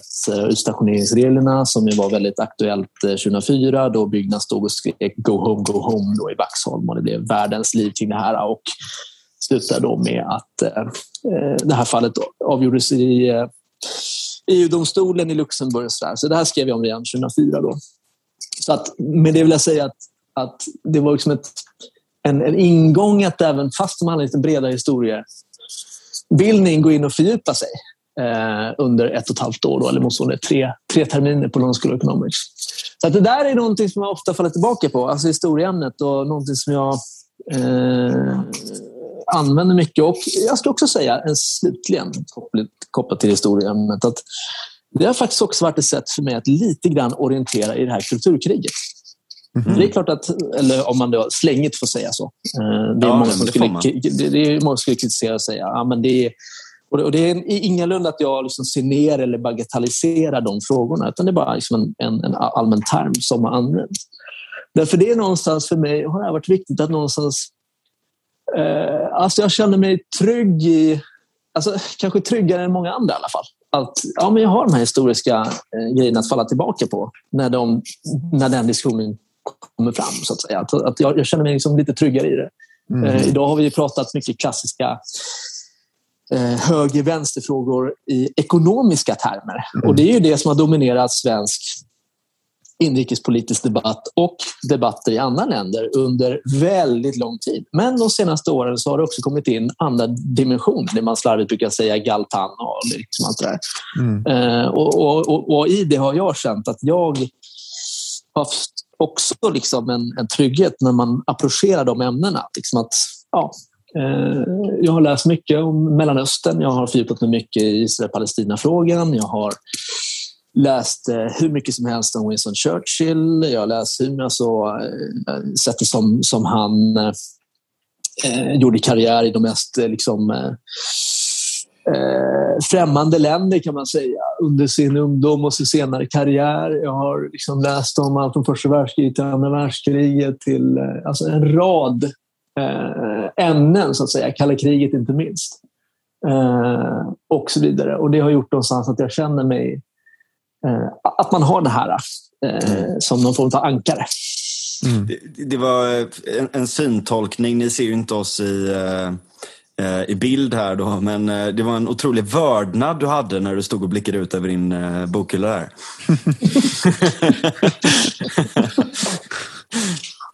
Precis. Ja, jag var tvungen att gå dit och kolla på det här när jag skulle prata om det. Ja. ja precis. Nej, precis. Men jag, jag, jag fattar verkligen vad du menar där. Jag, jag har också framförallt de senaste åren börjat intressera mig väldigt mycket för historia också.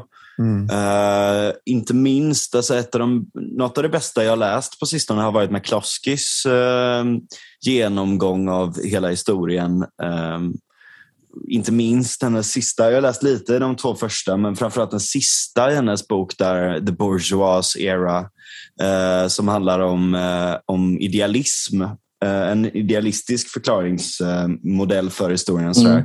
Mm. Eh, inte för att man förnekar materialistiska faktorer på något sätt, utan bara för att man mm. uppvärderar. Sådär. Men, eh, mm.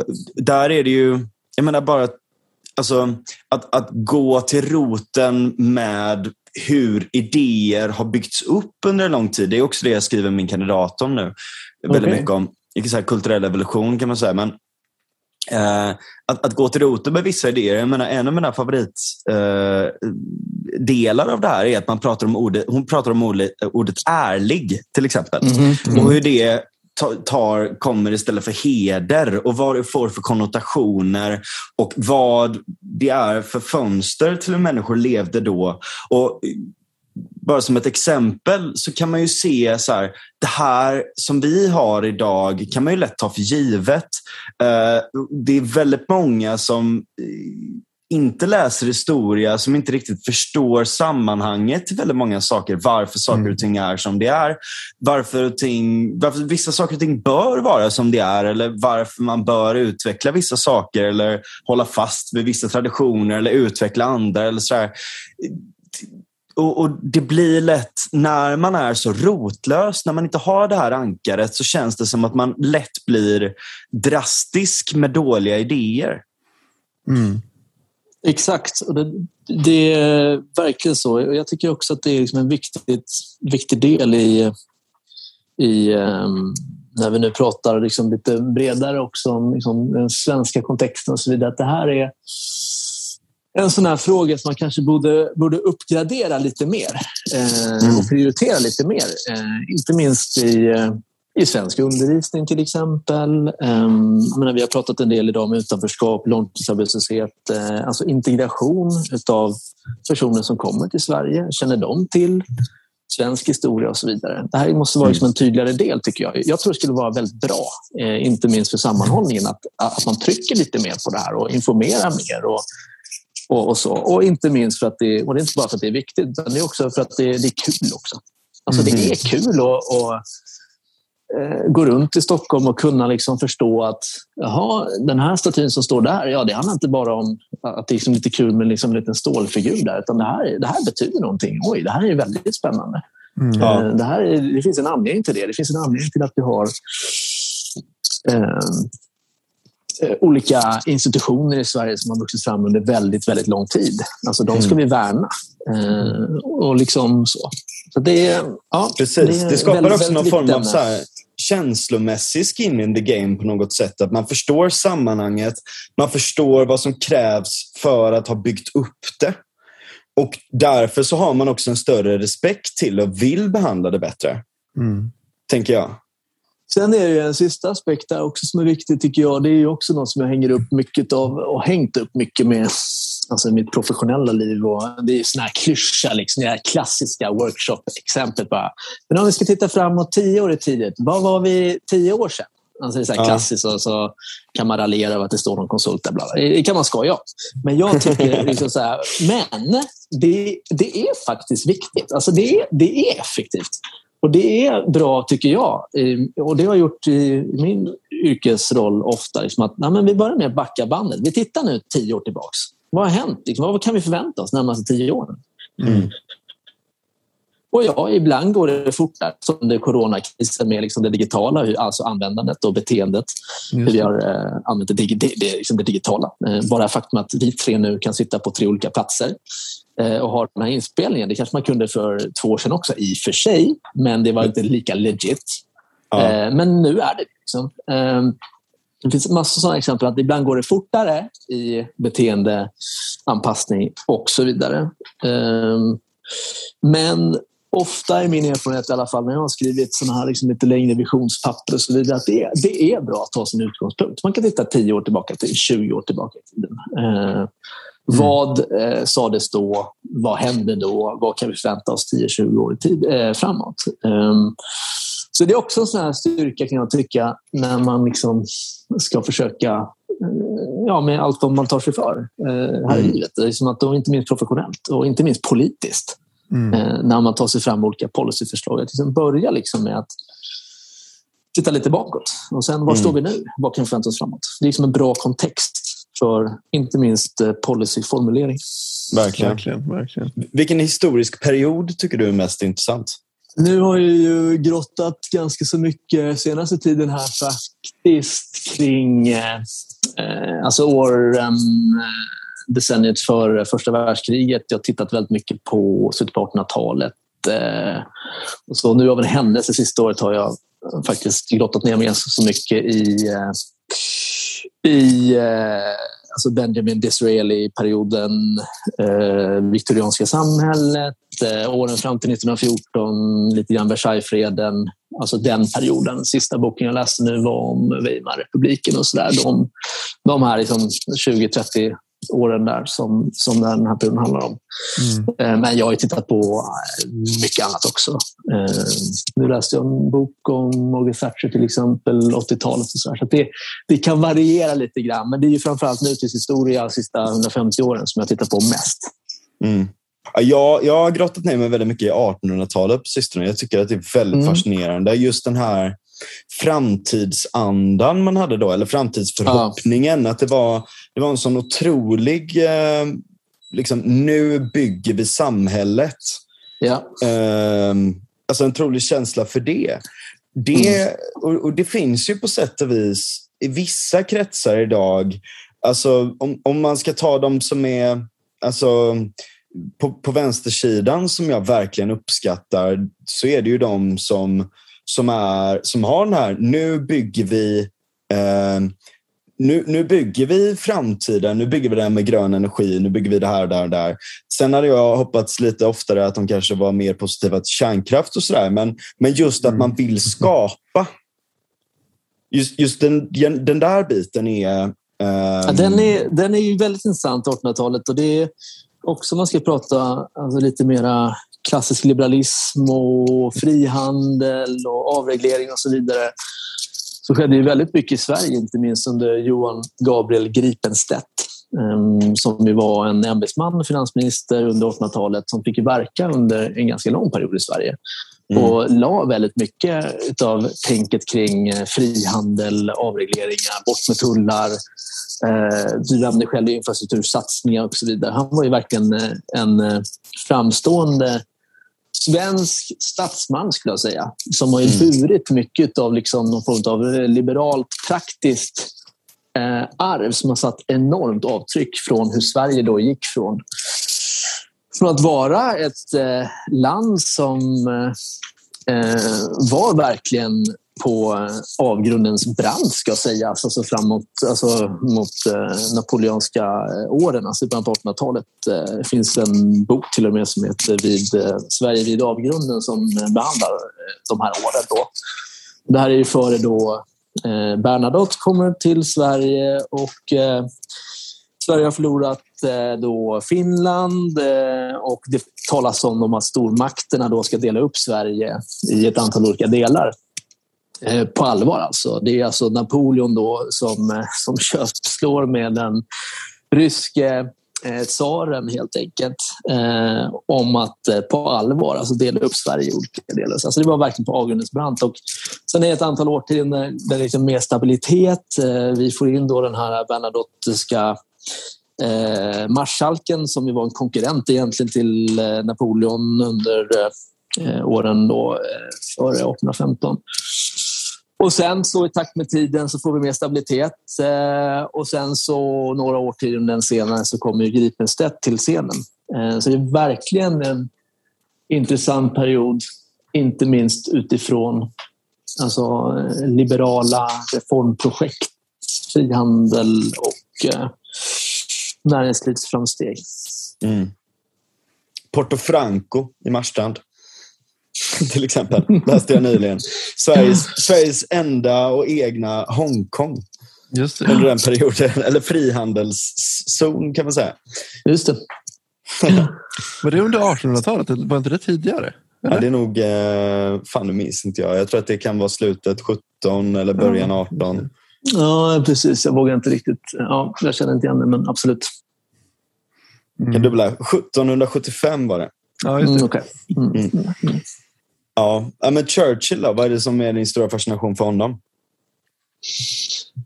Kring Churchill så är det ju... Eh, jag skulle säga så att det är ju... Eh, jag har ju flera historiska personer som jag tittar på sådär, såklart. Men när man läser de här böckerna om honom, alltså, när man läser historieböcker, något som jag slåtts av senaste åren, det är att du kan ju inte läsa en historiebok utan att han inte är med. Mm. Det går inte. Han är med överallt. Ja.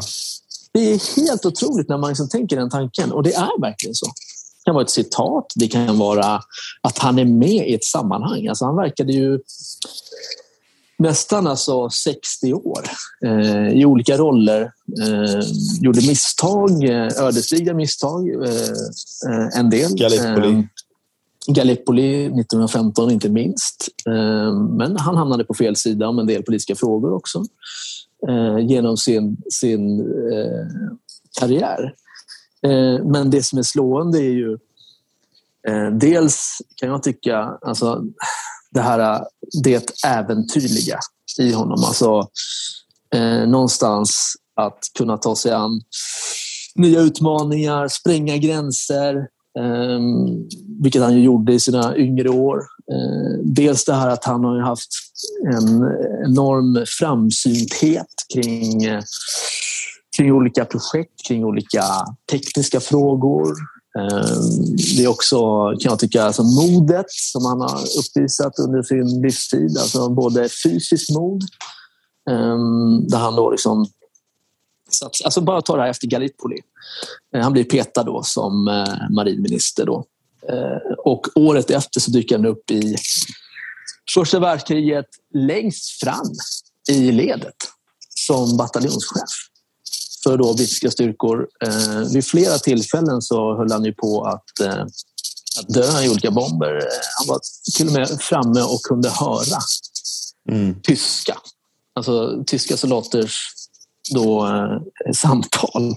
Mm. Eh, så nära var han, så att säga. Alltså ställde sig längst fram i front, alltså ett fysiskt mord. Eh, men också då eh, så är det ju avtrycken, inte minst alltså 1940, andra världskriget, då han kommer in helt enkelt då ju Storbritannien står inför en, en existentiell kris helt enkelt och, mm. och inför då alltså Luftwaffe-bombningarna så kommer han in helt enkelt i maj 1940 och eh, får ju stå där och, gå, och, och eh, hålla ihop hela krishanteringen.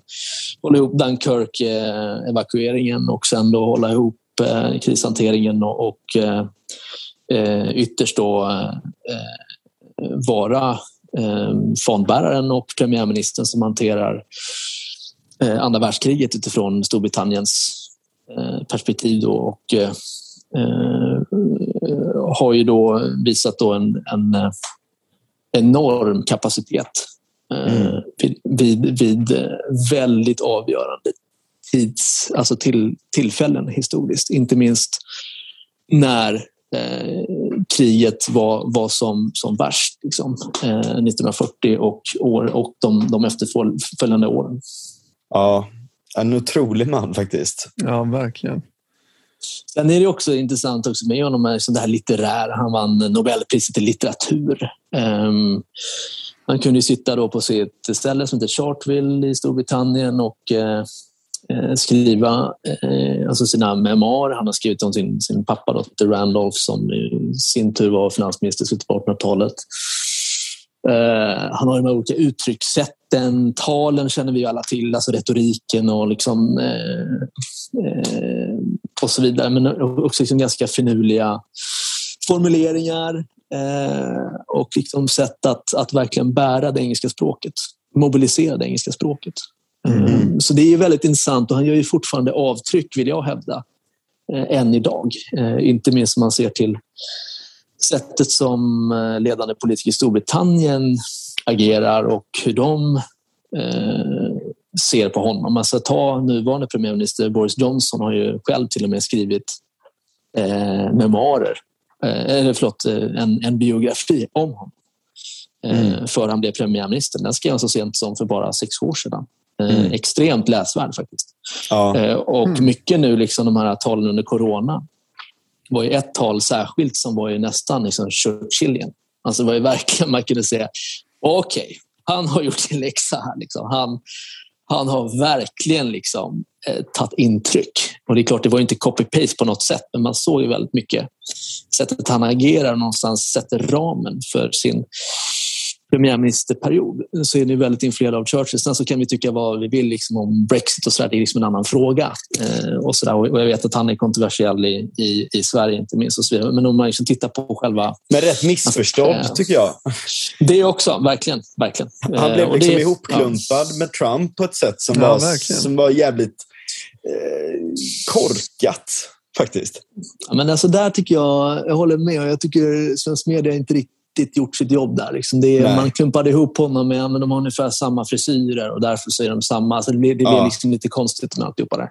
Mm. Um, och, och liksom så. så det, ibland måste man liksom särskilja liksom det mediala och verkligen gå till botten. Och, uh, frågorna handlar ju om liksom Churchill och hans, hans inflytande på, uh, på Storbritannien och historien. Och, och där är verkligen liksom att uh, där är någon som har haft en stor inflytande, tror jag, i sättet mm. som eh, nuvarande premiärminister har ramat in sin eh, delar av sitt sätt att agera och kommunicera.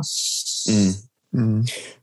Ja, vi har ju liksom, förra avsnittet snackade vi om Merkel väldigt mycket. Vi pratade om tyska valet. Hon är ju mm. också en sån person som verkligen har varit med mycket, inte minst under 2000-talet kan man lugnt säga. Mm. Uh, och sådär. Men annars är det ju... Det, du har ju inte riktigt de här vad ska man säga, hjältarna som du hade förr, kanske på samma sätt. Men det är väl också kanske för att idag så är allting mycket mer distribuerat på olika personer och det är ju rätt bra på sitt sätt också. Precis. Eh, det, det tror jag skiljer ganska så mycket, verkligen. Alltså, och du har andra aktörer idag. Men idag pratade vi lite grann om om liksom näringslivets aktörer, vilken roll de har idag. Det har liksom hänt ganska så mycket. Eh, och, Ja. eh, och så. Men jag tycker ändå det är intressant att ibland blicka tillbaka och liksom se hur de, de liksom våra kanske största statsmän har agerat, i, inte minst i krishantering och så vidare. Och eh, ta, Ja. ta intryck. Mm. Verkligen. Nu har vi spelat in i eh, två timmar nästan. Ja. ja, det är ett rejält avsnitt. Ja, Men det är ja men mycket att prata om. väldigt gött. Väldigt Det känns som att vi har mycket mer att prata om också egentligen. Men vi kanske ska spara det till en Ja. annan gång. Jag vet inte. Har du något på hjärtat Edvard som, eh, som du verkligen vill säga? Mer än att man bör rösta på dig i valet. Ja, precis. Nej, men det är ju så att alltså, det här är ju även för, för mig en ganska så eh, spännande tid alltså personligen här de här närmaste månaderna. Det är eh, lite nervkittlande och så vidare, men det är ju, det är ju väldigt roligt. Alltså det är ju Mm. så himla kul. Alltså bara att jag får vara med i det här programmet och prata med er och prata om sådana saker som jag brinner för. Mm. Eh, och bara kunna prata rakt ut, eh, ärligt från hjärtat att det här är jag, det här är vad jag kan. Eh, Sitta och prata historia, men när, jag, när får jag göra det? det, eh, det är så otroligt kul och eh, nu har jag varit ute här i i, eh, ja, jag gick ut 3 juni med att jag skulle kandidera och jag har varit ute och träffat mängder med medlemmar och människor och liksom i olika föreningar och väljare. Och så här. Det är otroligt givande eh, och Ja. otroligt roligt. Eh, Så att, eh, nej, jag har inte mycket mer att säga. Det. det är väldigt kul och det här är en del i den upplevelsen så att säga. Det är Ja. Lite livsomvälvande, lite nervkittlande och väldigt spännande och väldigt kul. Så tack så mycket Mm. för att jag fick komma till er podd. Ja, tack själv. Verkligen, Jag hoppas att vi kan ses snart och, eh, och ta en öl och snacka vidare om alla historiska perioder och eh, arbetsmarknadsreformer. Det finns Eh, mycket att säga där. Ja, verkligen. Ett sant nöje, Edvard. Ja. Och stort kom. lycka Väldigt till i, i framtiden här nu. Ja, Ja. verkligen. Jag Jag ska håller tipsa folk om att rösta på dig. Mm. det, nej, men det ska jag verkligen göra. Jag, jag tycker att det är, du, det, är liksom både en grund i som sagt de stora idéerna men också det konkreta liksom, som, som jag verkligen uppskattar. Tack för att jag fick vara med. Ha det så bra. Ha det bra. Ciao! Tack. Tja. Hej.